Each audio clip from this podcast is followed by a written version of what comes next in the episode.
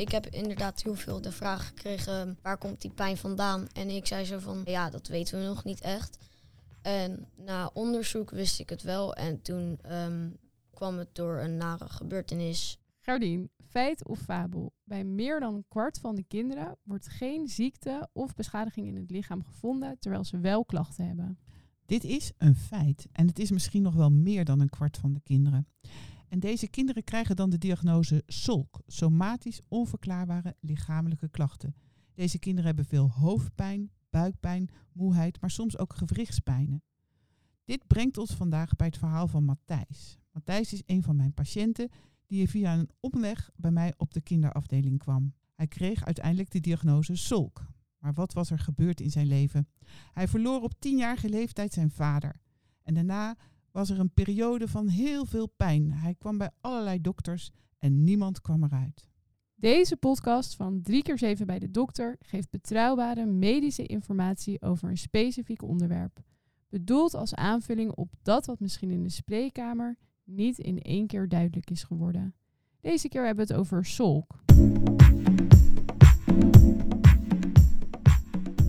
Welkom bij 3 keer 7 bij de dokter. Zeven vragen 7 antwoorden. en zeven tips. Samen met een kind en expert bespreken wij in elke podcast in 15 minuten een ziektebeeld dat bij kinderen voorkomt. Ik ben Lotte Heijerman, artsassistent bij de kindergeneeskunde. En ik ben Gerdien Kamp, kinderarts in Tergooi met meer dan 30 jaar ervaring in de kindergeneeskunde. Welkom Imke en Matthijs. Ja, mijn naam is Imke van Kessel. Ik ben kinderarts in het Amsterdam UMC en heb tijdens mijn opleiding in het Tergooi gewerkt. Ik specialiseer me in sociale pediatrie en dat is een onderdeel binnen de kindergeneeskunde waar je ook heel veel over zorg leert. En Matthijs, wie ben jij? Ik ben Matthijs Vertoor, ik ben eh 11 jaar. Ik was dus patiënt bij dokter Kamp. En eh, ik heb eigenlijk ja, heel veel pijn gehad aan mijn heup. En dat komt eigenlijk omdat ik zolk had. Vraag 1. Wat is zolk precies? Nou, SOLK staat voor S, somatisch, dat is een ander woord voor lichamelijk. O, onvoldoende verklaarde. L, lichamelijke. K, klachten. En SOLK kan in het hele lichaam voorkomen. Maar vaak is het buikpijn, hoofdpijn, langdurige pijn aan gewrichten of spieren of vermoeidheid. En SOLK wordt gebruikt voor lichamelijke klachten die maar niet overgaan, waarbij de dokter geen beschadiging of een ziekte kan vinden van het lichaam. En dit kan heftig zijn en negatieve invloed hebben op het dagelijks leven, zoals leuke dingen doen, afspreken met vrienden, naar school gaan. Maar je zegt van de dokter vindt geen ziekte of beschadiging. Waar komt dan die pijn vandaan? Ja, vaak zijn je lichaam en je leven uit balans geraakt. We denken dat bij pijn verkeerde pijnsignalen en pijnbanen zijn ontstaan. En hierdoor voel je pijn zonder dat er iets kapot is. En bij vermoeidheid is ontregeling, waardoor je zelfs van slapen niet meer uitrust. Soms begint het met een duidelijke oorzaak. Voorbeelden hiervan zijn een nare gebeurtenis, overlijden van iemand die je goed kent, of scheiden van ouders, pesten, problemen op school. Het tweede voorbeeld is een infectie, zoals vermoeidheid door een virus, waarbij je moe blijft, ook als het virus al voorbij is. En het derde voorbeeld is een beschadiging. Je hebt je knie verdraaid, je knie is niet meer dik, maar de pijn blijft. Maar soms is het ook niet helemaal duidelijk waar het mee begonnen is. Sommige mensen zijn er extra gevoelig voor. En niet lekker in je vel zitten helpt ook niet mee. Bijvoorbeeld of weinig fijne mensen om je heen, of slecht slapen. Nou ja, ik, eh, ik heb inderdaad heel veel de vraag, eh, eh, de vraag gekregen, waar komt die pijn vandaan? En ik zei zo van, ehm, aan het begin wisten we het nog niet. Dus na onderzoek wist ik het wel en kwam het door een nare gebeurtenis. Mijn vader is overleden. Die gebeurtenis heeft mij heel erg dat gegeven wat ik had. Eh, ik heb heel veel röntgenfoto's gehad. Ik heb zelfs een MRI-scan gehad. En eh, ja, toen bleek er eigenlijk nog steeds niet echt wat er aan de hand was. Was het nog steeds niet duidelijk? Nee, toen was het nog steeds niet duidelijk, inderdaad. Ehm, en toen zaten we wel al een beetje in die fase van... dat zou het kunnen zijn, maar we weten nog niks zeker. En hoe vond je dat om te horen toen de dokter zei... nou, het kan ook komen door het overlijden van je vader? Nou, ik dacht eerst, oh, ehm, dat is best raar en bijzonder. Maar toen ik hoorde dat best veel kinderen daarmee te maken krijgen, dacht ik zo van, oh, dat is eigenlijk heel erg vervelend. Voor ook die andere kinderen en ook voor mij natuurlijk. Ik ben er nu heel erg open over in de klas. Vraag 2. Hoe vaak en bij wie komt zulk voor? Zulk komt bij kinderen en volwassenen veel voor. Een onderzoek geeft aan dat een kwart van de tieners langdurige pijnklachten of vermoeidheid heeft, waarvoor de dokter geen oorzaak heeft gevonden. Vraag 3. Hoe merk je dat je zulk hebt? Ja, dat is best lastig te zeggen, want zulk kan alle klachten geven, overal in je lichaam. Dus pijnklachten en vermoeidheid komen het meest voor. Maar vaak heb je daarbij ook andere klachten, zoals slaapproblemen, misselijkheid of hartkloppingen. En soms veranderen de klachten ook in de loop van de tijd. En we hadden het er al over gehad. En Matthijs, bij jou begon het echt met pijn in je heup, zeg ik dat goed? Of in je been? Eh, ja. Ja, ja. in mijn in mijn eh, lies. in je lies. En zat het ook nog ergens anders of was het echt pijn in je lies? Eh, nee, het was soms wel echt pijn in mijn lies. En heel soms was het een beetje misselijkheid, maar vooral pijn in mijn lies. Ja. En die pijn was er soms wel en soms niet? Of was die er altijd? Ehm, nou, overdag was het niet echt heel erg.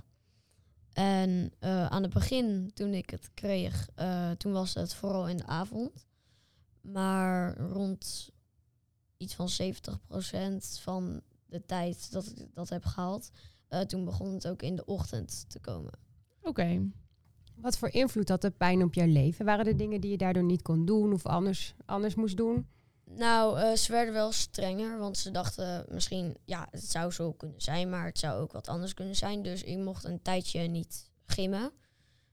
En ik mocht ook niet echt hele wilde activiteiten doen. Dus bijvoorbeeld voetballen of eh, basketballen of zoiets. Kon je goed slapen? Nou, ik ging meestal toen ik die pijn had, ging ik rond de half elf slapen. Dus, en dat is voor een kind van elf is dat wel heel erg laat. Die moet gewoon om negen uur, half negen, moet die gaan slapen. Vraag 4. Hoe weet de dokter dat je zulk hebt? De dokter luistert naar het verhaal, onderzoekt het kind zorgvuldig en gaat na of de klachten passen bij een bepaald ziektebeeld. Dan zijn er drie mogelijkheden. 1. De klachten passen goed bij SOLK en ik hoef geen verder onderzoek te doen. 2. Er is extra onderzoek nodig, zoals bij Matthijs, om zeker te weten dat er geen ziekte of beschadiging is. Bijvoorbeeld bloedonderzoek, röntgenonderzoek of een scan. 3. Er wordt een medische oorzaak gevonden, maar de klachten zijn veel heftiger dan ik op grond daarvan zou verwachten. Bijvoorbeeld, je hebt obstipatie gehad, het poepen gaat nu goed, maar je houdt maar steeds buikpijn. Dus het lijkt allemaal uitvergroot te zijn. Ik was thuis en ik zat nog steeds met die pijn. Toen belden wij dus het ziekenhuis en zei ze, ja, kom maar hierheen. Toen ben je bij ons op de afdeling geweest. En toen heb ik voor de 100% zekerheid ook nog bloedonderzoek gedaan. Toen hebben we nog een foto van je borstkas gemaakt. Weet je dat allemaal nog? Ja? En toen ben je, heb je een nachtje bij ons geslapen en mama was er ook. En toen hebben we gekeken hoe het was met de pijn. En toen zagen we dat als je heel goed afgeleid was, dat je eigenlijk helemaal geen last had. Toen de volgende dag, toen heb ik als dokter de stoute schoenen aangetrokken en durven zeggen dat je geen beschadiging en geen ziekte had. Weet je dat nog? Ja, En hoe dat- vond je dat? Ehm, ik dacht echt, maar wat heb ik dan wel? Ja. En toen ging jij mij uitleggen zo van dat ik dat had. Alleen toen wist ik eigenlijk nog helemaal niet hoe dat he- precies heette.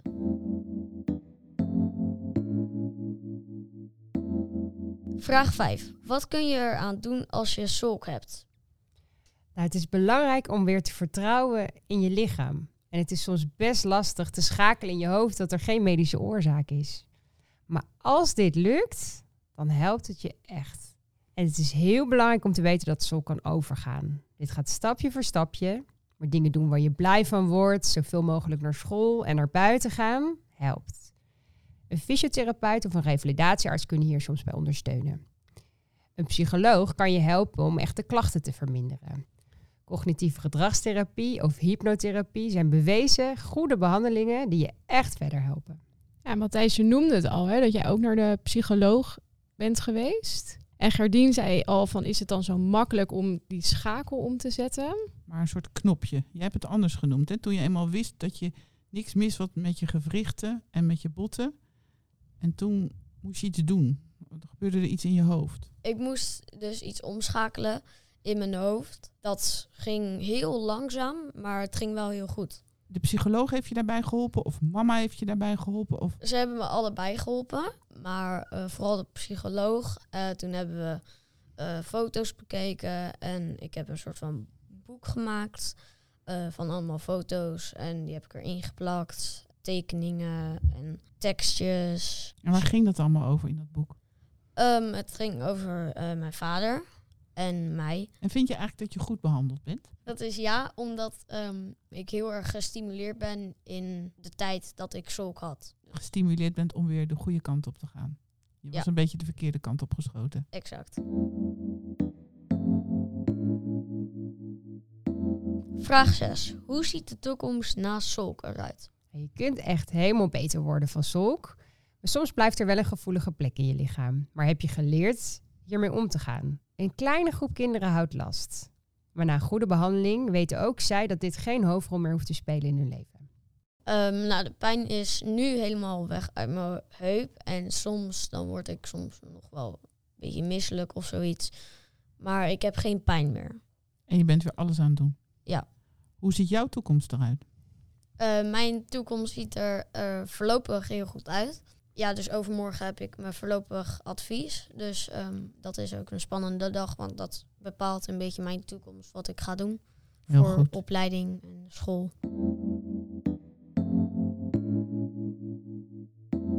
Vraag 7. Is zulk bij iedereen even erg? Zulk is niet bij iedereen even erg. Maar de manier waarop jij zelf, je ouders, vrienden en school met zulk omgaan, dat is van invloed. En dat is ook weer bij iedereen anders.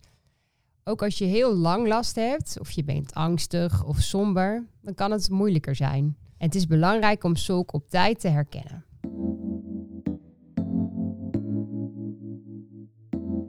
Dan zijn we alweer aangekomen bij ons laatste onderdeel, namelijk de zeven tips. Matthijs, Tip 1. Schaam je nooit. Het is niet jouw schuld en het is echt. Ook al is het voor zowel jou als voor anderen soms moeilijk te begrijpen. Tip 2. Verstop je gevoel niet en sta toe om verdriet te hebben of angstig te zijn. Praat, schrijf, teken over dingen die je moeilijk vindt of waar je je vervelend over voelt. Zo kun je leren voelen wat deze emoties voor jou betekenen en ze verwerken.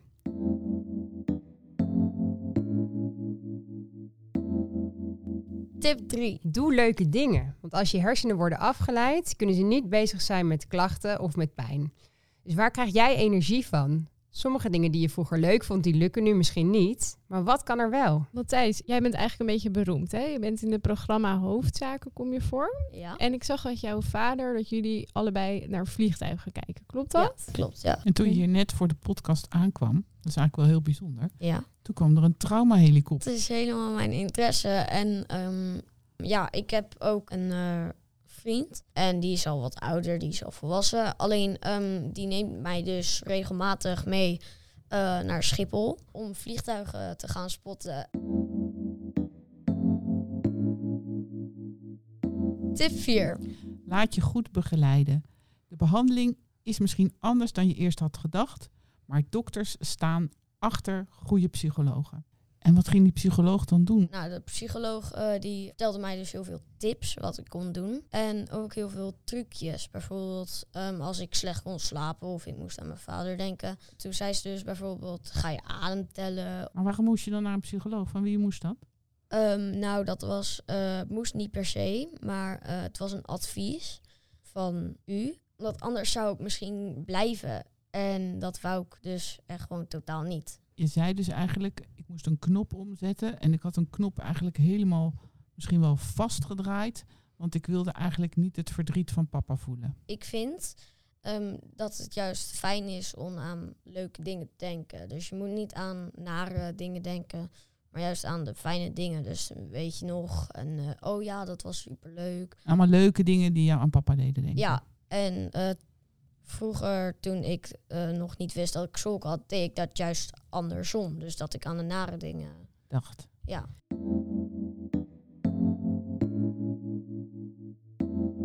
Tip 5.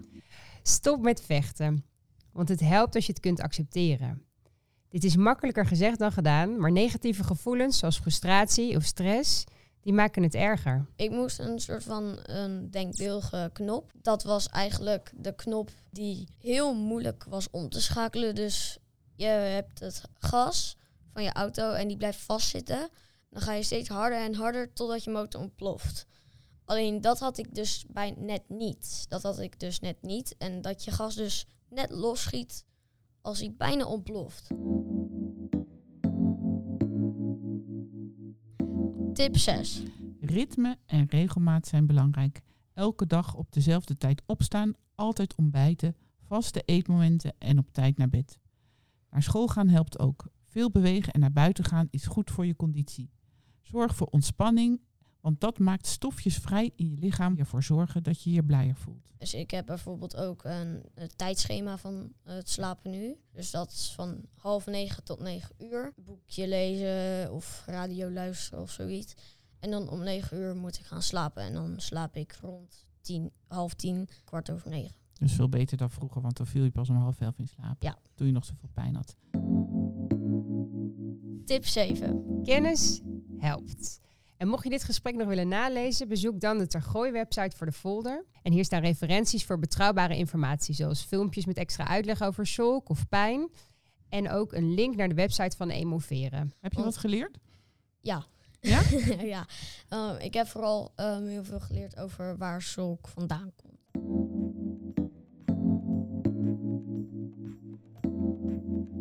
In deze podcast hebben we het gehad over solk, onbegrepen pijn. Bedankt Imke en Matthijs. Binnenkort zijn we er weer, maar dan met een nieuw onderwerp en nieuwe gasten. Mocht je vragen hebben of graag een keer gast willen zijn in onze podcast om over jouw ziektebeeld te praten, neem dan contact op via onze Instagram of LinkedIn 3 keer 7 bij de dokter of stuur een e-mail naar 3 keer 7 bij de dokter gmail.com.